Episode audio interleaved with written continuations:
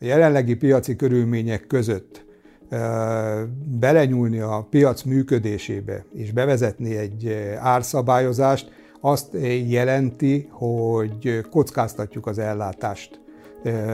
És nem úgy, mint az előző alkalommal, amikor 8 hónapig nagyjából fenntartotta a piac működését az olajipar, és augusztus táján kezdődtek el csak a mennyiségi korlátozások, most jóval hamarabb be kellene, hogy vezessük, hiszen nincsenek alternatívák. Lehet, hogy az, az van a, a, a gondolatok mögött, hogy nagyon na, nagyok az ár különbségek. Ugye, ha ma megnézzük a piacot, akkor üzem, gázolajat, dízel üzemanyagot lehet vásárolni 700 forintnál drágábban is ma már, ugye elsősorban ugye az autópályák melletti töltőállomásokon, kisebb töltőállomásokon mondjuk 630-640 forintért vagy egy diszkontkúton, tehát az azt jelenti, hogy látszik 60-70 forint árdifferencia. Korábban ugye mindig azt mondtuk, hogy körülbelül 20-30-40 forint árkülönbség lehet két töltőállomás között. Ez az olló ez teljes komoly mértékben kinyílt. Talán ez ez az információ lehetett a bázisa annak, hogy a, a piac azért képes lehet valamennyit korrigálni, hogy egy szűkebb sávban működjön. Én őszintén remélem, hogy azért azok az üzenetek, amelyek nem, nem csak a hangzatos szavak, hanem nagyon komoly valóság is van mögöttük, azok azért meghallgatásra kerülnek és figyelembevételre majd a végső döntés meghozatalakor.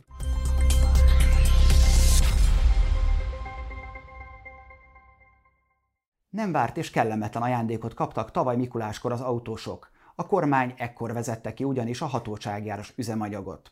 Azóta a helyzet nagyban változott, és észrevehető, hogy a piaci ár visszaállítása tovább rontotta a gazdaság teljesítményét és versenyképességét. Egészen a néhány nappal ezelőtti bejelentésig bizonytalan volt, hogy vajon van-e realitása az újbóli ársapkás üzemanyagnak. Nagymártól után ekkor ugyanis Orbán Viktor arról beszélt, valóban meg kell fontolni azt, hogy újra fixáras legyen a benzin és a dízel Magyarországon. Többek között erről beszélgettünk Rádottóval, a Magyar Ásványolaj Szövetség főtitkárával. Köszönöm, hogy elfogadta a meghívásunkat. Üdvözlöm, szívesen. Hát Menjünk vissza az időbe. Mit éreztek akkor, amikor a kormány egy este bejelentette, hogy hát már csak néhány percig él a hatósági áras 480 forintos üzemanyag? Azt gondolták, hogy ez egy jó döntés volt, vagy, vagy féltették az autósok pénztárcáját? Az az igazság, hogy én azt gondolom, hogy itt ha Mikulás ajándék hasonlattal élünk, akkor gyakorlatilag kellemes ajándékot kaptak az üzemanyag fogyasztók, a vásárlók, a gépjármű tulajdonosok, hiszen a lehetősége megteremtődött újból annak, hogy korlátozások nélkül bármelyik töltőállomáson a korábbi minőségben és színvonalon üzemanyagot lehessen vásárolni. Amire kivezetésre került a hatósági ár 2022. decemberében, olyan helyzet alakult ki az üzemanyagpiacon, hogy számos vásárló fogalmazta meg, hogy a nincs drágább üzemanyaga, nincs üzemanyagnál.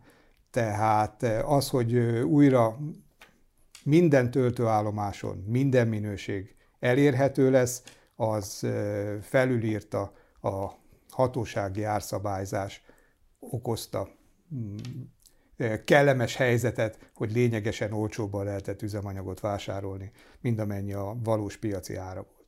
Igen, tulajdonképpen a kormány is erre hivatkozott, amikor ezt az intézkedést megszüntette, hogy az ellátás bizonytalanná vált. Ennek több faktora is volt, nyilvánvalóan megnőtt a fogyasztás mértéke. E, mik voltak ezen kívül még az aggályos pontok ezzel a fixált vagy ársapkázott árral? Ugye fontos azt tudni, hogy 2021 novemberében, amikor bevezetésre került a hatósági ár, gyakorlatilag a 480 forintos árszinten egy ilyen történelmi maximumon voltunk a hazai üzemanyag árakban, és amikor döntött a kormány arról, hogy fixálja ezt az üzemanyag ár szintet, nagyjából ez azért a piaci ár magasságában volt. Példaként tudom mondani, hogy a bevezetése után néhány héttel még alacsonyabbá is vált a piaci ár néhány napra, mint a hatósági maximum. Ez persze csak néhány napos időszak volt, és utána egy meredek emelkedésnek indult a világpiaci helyzet változása miatt az üzemanyag ára a normál piaci feltételek között, és jutottunk el oda, hogy a nem szabályozott ár például a prémium termékek esetében a 800 forintot is meghaladta néhány hónappal később. Tehát egy irreális piaci változásra gyakorlatilag reakció nem volt, és egyre nőtt a, az olló, egyre nyílt az olló a piaci ár és az üzemanyagárak hatósági ára között, ez pedig oda vezetett, hogy egyre kevésbé lehetett fizikailag az ellátást biztosítani. Kiesett az import, a hazai finomító sem volt képes már olyan mennyiségben árut szállítani, hogy a megnövekedett, ráadásul megnövekedett fogyasztást ki lehessen elégíteni. Ugye mindenki emlékszik rá, augusztusban aztán eljött az idő, hogy korlátozásokra volt szükség. Először természetesen maga a kormányzat is ugye a piaci szereplők visszajelzése alapján megtett bizonyos lépéseket, megszüntette a, a kedvezményezettek körét szűkítette, először kizárták a külföldi vásárlókat, utána kizárták a közületeket, gyakorlatilag a végére már csak a magánszemélyek, de addigra már egy olyan helyzet alakult ki, hogy esélytelen volt a piac normális ellátása, és én azt gondolom, hogy amikor 20 literben, 10 literben kerül maximálásra a megvásárolt mennyiség, vagy éppen az is kérdés, hogy a harmadik, negyedik vagy csak az ötödik töltőállomáson kapok üzemanyagot, az egy teljesen más szituáció, és ez vezetett oda, amit említettem is, hogy azt mondták a fogyasztók, hogy kerül, amibe kerül, de legyen, mert élnünk kell, működnünk kell, a vállalkozásokat vinni kell tovább. Az, hogy a piac szereplői elég egyértelműen jeleztek viszonylag hamar a kormányzat felé, hogy ez a rendszer ez fenntarthatatlan lesz, az egyértelmű. Önök jeleztek a kormányzat felé, hogy trendszerűen ez a dolog ez bukásra van ítélve? Természetesen ugye folyamatosan mentek a piaci visszajelzések, jeleztük, igyekeztünk azokat a vészharangokat kongatni, amelyek azért ki is váltottak reakciókat, hiszen ahogy az előbb is említettem, ugye a kedvezményezettek körének fokozatos csökkentése azért azon visszajelzések eredménye volt, amelyek érkeztek a, a, a piaci szereplőktől. Tehát azért azt fontos tudni, hogy folyamatosan a, a, a helyzet nehézségére, később a tarthatatlanságára azért az olajpiaci szereplők felhívták a, a figyelmét a kormányzatnak. Nem volt véletlen, hogy még a Független Benzinkutak Szövetsége is megalakult ebben az időszakban, hiszen a MÁSZ, a legnagyobb töltőállomás hálózatokat tömörítő érdekvédelmi szervezet, de a Magyarországon működő több mint 2000 töltőállomásnak közel a fele azért kis független hálózatok, vagy akár csak egy-két töltőállomást üzemeltető vállalkozások. És ugye ők kerültek leghamarabb a legnehezebb helyzetbe. Én jártam olyan kúton a Pesti megyei agglomerációban, ahol konkrétan 5 literre, 5 literben határozták meg a maximum üzemanyag töltést, és hát előfordult olyan, amikor az nem volt elég a következő benzinkútig, mert hogy a következő háromnál nem volt üzemanyag.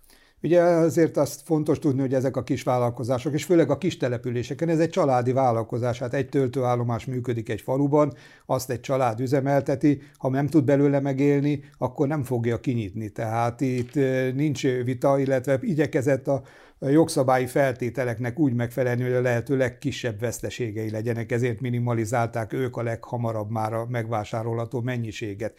És ugye itt is felmerült az, hogy nincs alternatíva, tehát egy nagyvárosban azért ha nem kapok egy töltőállomást, lehet, hogy két kilométerrel arrébb a másik színűnél még talán van üzemanyag, ugye ez volt akkor a, a megoldás. Az úgynevezett benzinturizmus, amikor nem egy külföldi országba kellett menni, hanem következő kerületbe. Így van, tehát ez a... Arról van adat egyébként? Ez a hány belföld, belföldi benzinturizmus, igen. Konkrét számok nincsenek, vannak tönkrement vállalkozások, ugye ezekről lehetett hallani akkor is, illetve nagyon sok vállalkozás ellehetetlenült. Mind a mai napig nyökik a, a, a következményeket. Hát csak abba belegondol, hogy mondjuk egy nagy töltőállomás hálózat végez egy beruházást, felújít, modernizál egy töltőállomást, azért ahhoz megvan a fedezet. Amikor egy kisvállalkozó, vagy egy családi vállalkozásban üzemeltetett töltőállomásnál döntenek úgy, hogy meg kell felelnem a műszaki előírásoknak, mert különben bezár a kút, fejlesztenem kell, beruháznom kell, ehhez hitelt veszek föl, benyújtom a terveimet a, a banknak, és utána azt mondja a, a, az állam, hogy ja, holnaptól 480 forint az üzemanyag, veszteséggel kell értékesítened, miből fizeti a hitelt, törlesztőt, miből fizeti a kamatokat. Tehát nagyon sok olyan vállalkozás ö, megrodjant, akik éppen ebben az időszakban mondjuk ö, beruháztak. Tehát kimondható az, hogy tulajdonképpen évtizedek munkáját sikerült egy jól meghozott intézkedéssel tönkretenni. Igen, vannak olyan vállalkozások, amelyek teljes mértékben tönkrementek, vagy legalábbis vissza a startvonalra, ugye, hogy a kinevet a végén társas játékból idézzek. Főtitkár úr, egy nagyon fontos kérdés van, amikor üzemanyagról beszélgettünk, és azt gondolom, hogy a magyar társadalom döntő többségét ez érdekli. Hogyan lehetséges az, hogy a világon az egyik legdrágább üzemanyagár van a hazánkban? Tehát ennek ennek mik az okai? Mert nagyon sok mindent hallottunk, hogy a magas adóterhek, a gyenge forint, ez mindezeknek az összessége, vagy itt van valami más ok, amit mi egyszerű földi halandók nem értünk?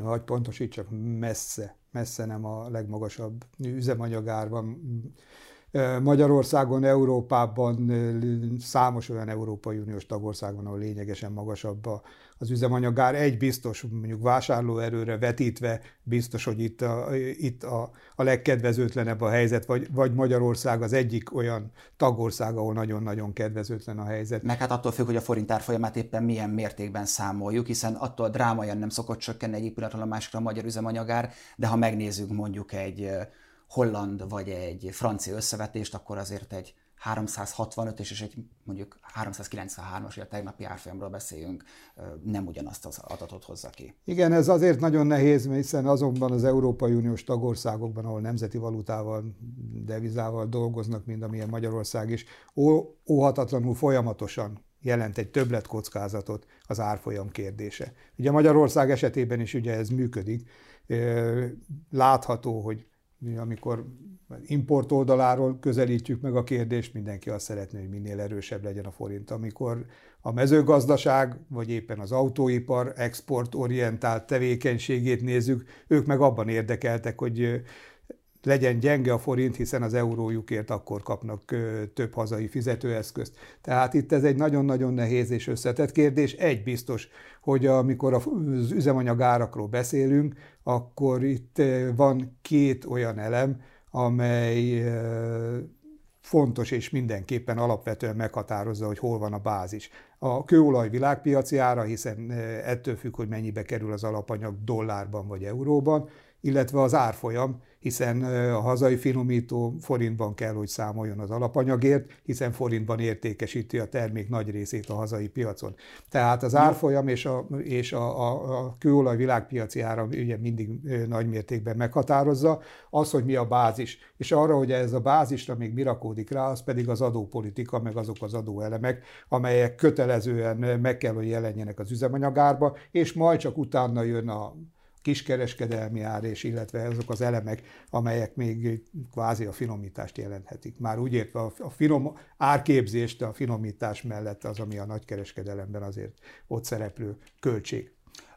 Azt tudjuk, hogy a forint árfolyama az egy, az egy változó tényező, de ha már itt a, a az olajvilágpiaci árára beszélt, akkor azt a beszélgetés előtt is mondtam, hogy van ez a nagyon jó humor, hogy 10 évvel ezelőtt 100 dollár volt egy hordó olajára, most 95, akkor 430 forintot fizettünk körülbelül átlagosan egy liter üzemanyagért, most 670-et, és kérdezte a, a mém gyártója, hogy kérdezi, miből készül a hordó, hogy ennyire megdrágult. Tehát, hogy én is ezt kérdezem, hogy igazából drámai változás a kőolaj világpiaci árában, hosszú távú viszonylatban nem volt. Ennek ellenére azt mindenki tudja, hogy az üzemanyagára az kilőtt az egekbe. Így van, tehát ahogy az előbb is mondtam, ugye forintban kell kalkulálni mindent, tehát az alapanyagot is annak ellenére, hogyha a 100 dolláros kőolajat 300 forintos dollár mellett kell megvásárolni, akkor is más lesz az alapanyag forintban kifejezett ára, illetve hogyha éppen a mai szinten 360 forint körüli ár, árfolyam mellett kell ezt forintosítani. Akkor kimondhatjuk, hogy tulajdonképpen kizárólag a forint gyengülése felelős azért, hogy ez a jelenlegi helyzet az üzemanyag árával? Nem. Emellett mindenképpen azért azt is számba kell venni, hogy ami korábban alapvetően, amikor igyekeztünk bemutatni, hogy hogy épül föl az üzemanyag ára, ugye elmondtuk, hogy vannak költségek, elő kell állítani, van ennek egy nagykereskedelmi ára, van egy kiskereskedelmi ár, és meg az adók. Ami abban az időszakban azt jelentette, hogy a jövedéki adó, a készletezési díj és a mindenre rárakódó áfa.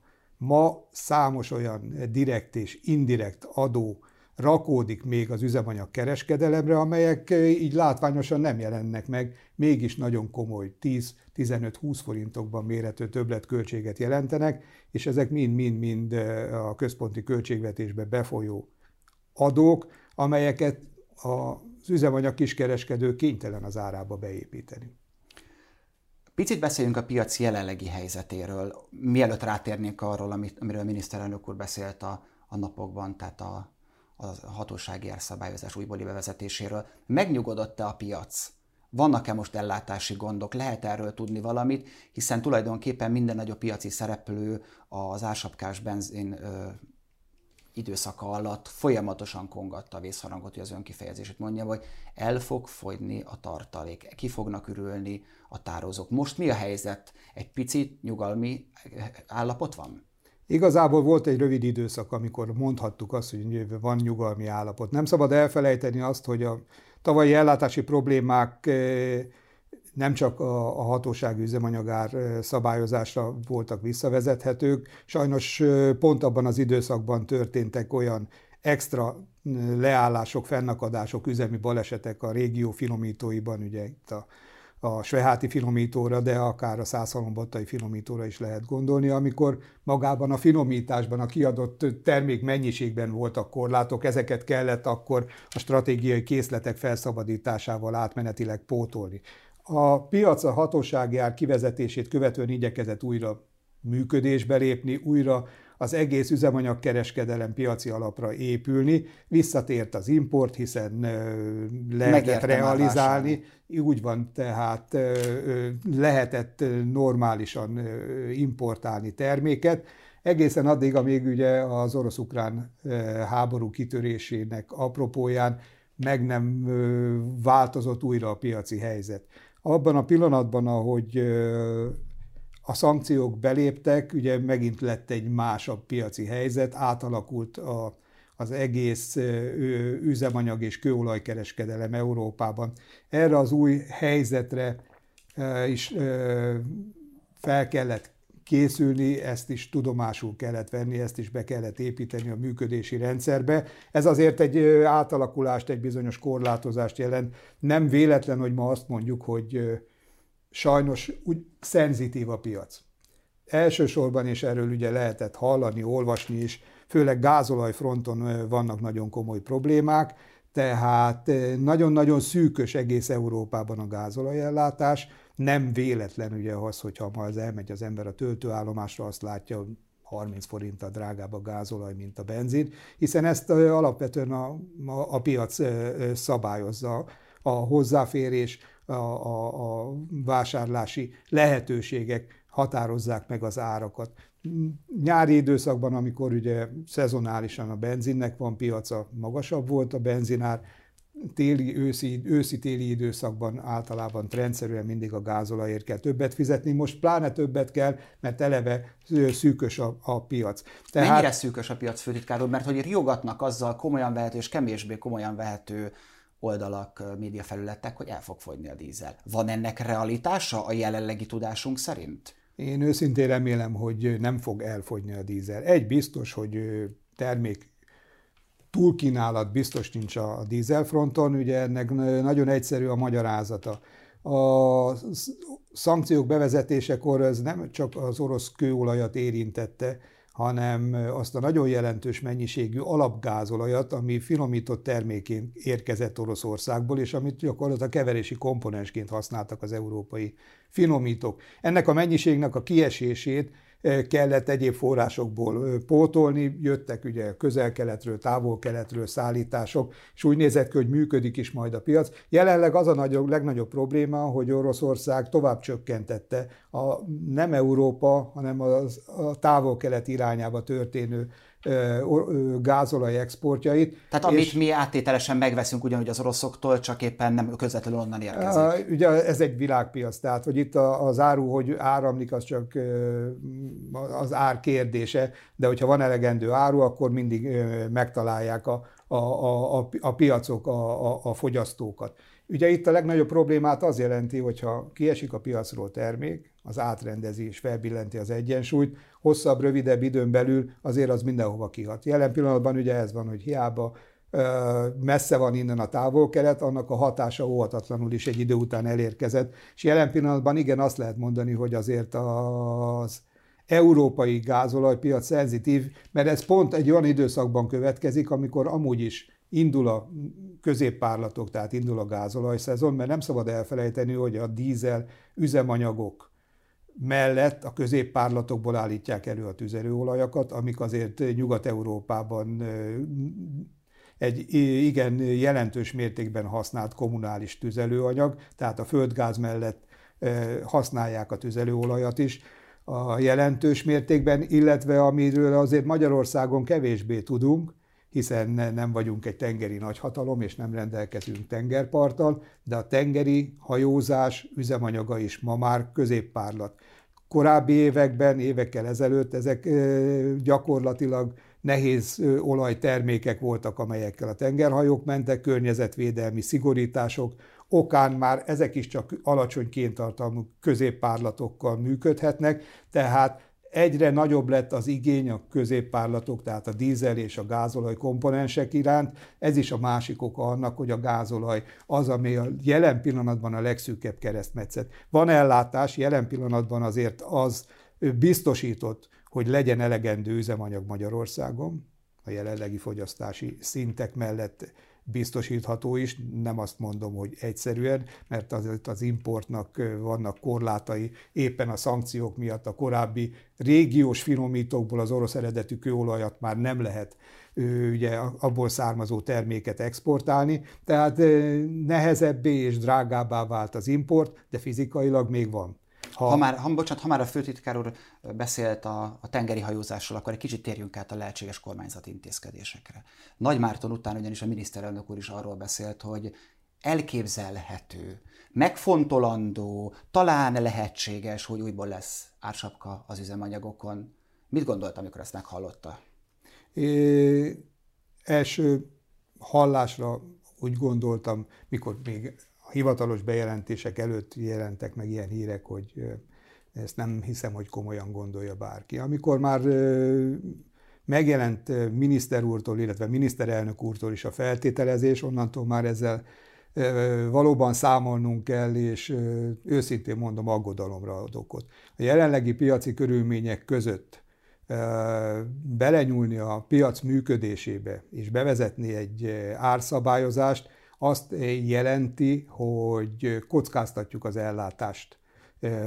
És nem úgy, mint az előző alkalommal, amikor 8 hónapig nagyjából fenntartotta a piac működését az olajipar, és augusztus táján kezdődtek el csak a mennyiségi korlátozások, most jóval hamarabb be kellene, hogy vezessük, hiszen nincsenek alternatívák. Tehát abban a pillanatban, hogyha itt az ár szabályozásra kerül, ami azért ugye azt kell, hogy jelents, hogy a piaci árnál alacsonyabb árak lesznek, az import azonnal megszűnik. Az import azonnal megszűnik, a hazai finomító pedig képtelen lesz egyedül ellátni a piacot, tehát amíg az előző alkalommal 8 hónapot kibírt az olajipar, és megszenvedve, de ellátta termékekkel a fogyasztókat, most erre fizikailag nincs lehetősége, módja. Az előbb mondtam, hogy gázolajból nagyon szűkös a forrás Európában. Abban a pillanatban, ahogy nálunk nem versenyképesen vagy esetlegesen veszteséggel lehet csak üzemanyagot értékesíteni, ez, a, ez az import el fog menni azokra a piacokra, ahol, ahol tisztességes ár mellett az értékesíthető. Tehát Klasszikusan ugye a hazai ellátás két lábon áll, a hazai finomító által kibocsájtott üzemanyagok, illetve az importőrök által behozott termék. Ha ez a láb kiesik, akkor nagyon-nagyon rövid időn belül itt megint ellátási problémák lesznek, megint keresünk majd azt a töltőállomást, ahol éppen lehet üzemanyagot vásárolni. Nagyon kezdünk kifutni az időből, de ez egy nagyon fontos téma, és még érdemes egy-két kérdés erejéig visszatérni rá, hogy Ön szerint ezzel tisztában van akár Nagy Márton, akár Orbán Viktor, és ha igen, mert feltételezzük, hogy igen, vagy ha ők nem is voltak ezzel tisztában, akkor a piaci szereplők, mielőtt ő ezt, ők ezeket nyilvánosan vállalták ezeket a mondatokat, felvilágosították róla őket, akkor mi lehet a motiváció, hogy belengedték ezt? Mert hogy én azt gondolom, hogy a piacot már önmagában az is meg tudja egy picit rengetni, és el tudja bizonytalanítani, hogy erről beszélnek, még be sincs vezetve. Igen, nehéz, nehéz erre a kérdésre válaszolni mert lehet, hogy az, az van a, a, a gondolatok mögött, hogy nagyon na, nagyok az ár különbségek. Ugye, ha ma megnézzük a piacot, akkor üzem, gázolajat, dízel üzemanyagot lehet vásárolni 700 forintnál drágábban is ma már, ugye elsősorban ugye az autópályák melletti töltőállomásokon, kisebb töltőállomásokon mondjuk 630-640 forintért, vagy egy diszkontkúton. Tehát az azt jelenti, hogy látszik 60-70 forint árdifferencia. Korábban ugye mindig azt mondtuk, hogy körülbelül 20-30-40 forint árkülönbség lehet két töltőállomás között. Ez az olló ez teljes komoly mértékben kinyílt. Talán ez ez az információ lehetett a bázisa annak, hogy a, a piac azért képes lehet valamennyit korrigálni, hogy egy szűkebb sávban működjön. Csak éppen az, hogy ez ilyen különbségeket jelent, ugye emögött költségek vannak. Tehát egy ö, autópályás töltőállomás teljesen más feltételekkel. költsége hát rendelkezik, persze. mint egy hát, falusi csak abba, abba kell belegondolni, hogy egy falusi kút a családi vállalkozásban működtetve, nyitva van reggel 8-tól este 6-ig egy műszakban, ott van valaki egy emberként. Egy ö, autópályás kút, amelyik full szolgáltatást nyújt, 24 órában üzemel, tehát az azt jelenti, hogy legalább 4-5 váltásnyi munkaerőre szükség van, hogy a 0-24-es működést fenn lehessen tartani. Oda nem jár a BKV, oda nem jár a volán, tehát oda az utaztatását a dolgozóknak meg kell oldani. Azokon a töltőállomásokon ugye egyéb szolgáltatások is vannak, csak a kamionparkolóra kell gondolni, ugye a fürdőre, meg az egyéb kiegészítő szolgáltatásokra. Ezeknek mind-mind-mind nagyon-nagyon komoly költségei vannak. Egy több hektáros parkolónak csak a fenntartása már jelentős többletköltséget jelent. Tehát az egy természetes dolog volt, hogy egy autópályás kútnak messze magasabb árszinten kell működnie. Ez a rés, ez ténylegesen ma jobban kinyílt, de ebben csak néhány forint van. Tehát, Jelezték ezt a kormánynak? Persze folyamatosan jelezzük azt, hogy mik azok az aggályok, amik mostanában jelezzük. Tehát, És volt rá reakció? Tehát azt mondta, hogy korábban is, amikor uh, volt az előző ársapka, jelezték, volt erre reakció, hiszen elkezdtek korlátozni, hanem is időben, talán egy kicsit megkésve. Most kaptak reakciót? Egyelőre még a megbeszélések időszakában vagyunk, hiszen uh, még nem vagyunk lekésve semmiről, mert ugye azon kívül csak, hogy vizsgáljuk a lehetőségét, ennél szigorúbb megfogalmazások kormányzati oldalról nem voltak. Én őszintén remélem, hogy azért azok az üzenetek, amelyek eh, nem, nem csak a hangzatos szavak, hanem nagyon komoly valóság is van mögöttük, azok azért eh, meghallgatásra kerülnek és figyelembevételre majd a végső döntés meghozatalakor. Egy utolsó kérdést engedjen meg, hogyha az lesz a döntés, hogy nincs ársapka, akkor várható-e a közeljövőben bármilyen javulás? Kérdezem ezt abban a kiszámíthatatlan környezetben, amikor még májusban is ön is úgy fogalmazott, hogy elképzelhetetlen az olyan mértékű üzemanyagár, mint amit most realizálhatunk a kutakon. Tehát nem gondolom, hogy önnél van a kristálygöbb, de elképzelhető-e, van-e olyan nemzetközi folyamat, változás, ami miatt érdemben kevesebbet, kevesebbet kell majd fizetnünk a kutakon. Én őszintén remélem, hogy, hogy lehet. Tehát nagyon-nagyon nehéz ugye a jövőről beszélni, hiszen mindig vannak olyan számok, prognózisok, trendek, amelyeket egy, egy prognózis megfogalmazásakor az ember figyelembe vesz, és akkor ezek lehet, hogy már hónaptól nem érvényesek. Ma azt tudom mondani, elnézve a jelenlegi kőolaj világpiaci árat, most már két-három napja csökken, és a 95 dolláros csúcsról kicsit visszafele jövünk. Ma, amikor eljöttem a munkahelyről, 90 2,80 volt a, a Brent jegyzésára, és ugye ami nem akarok túl tudományos lenni, vagy túlságosan szakmai, de a, a forward jegyzések, tehát a jövőbeni árak is inkább lefele, lefele mutatnak. mutatnak, ami azért jelent némi reményt és ami igazán fontos, hogy a gázolaj piacára hasonló volt jellemző az utóbbi napokban, tehát azért a piac azt prognosztizálja ma, hogy az év végéig azért inkább normalizálódik majd a helyzet. Most azért nagyon jelentős változások következtek be, hiszen május környékén 70 dollár volt a, a kőolaj világpiaci ára, 330 forint volt a, a dollár. Ugye ahhoz képest 95 dolláros kőolajáról beszélünk, 360 forint környékén járó dollár ár, árfolyamról. Lényegesen rosszabb körülmények között vagyunk, ráadásul ugye a gázolajpiacon is ugye meg Innen volt a javulni. És van is rá esély, mert a, a prognózisok azt mutatják. Viszont ha holnap történik valami, onnantól kezdve mindent gyakorlatilag újra kell számolni, illetve újra kell értelmezni. Köszönöm a válaszait, főtitkár úr. Önöknek pedig köszönöm a figyelmet, hogy eddig nem tették meg, akkor iratkozzanak fel az Economics csatornájára. A véleményük fontos számunkra, ezért várjuk a kommenteiket is. Viszontlátásra!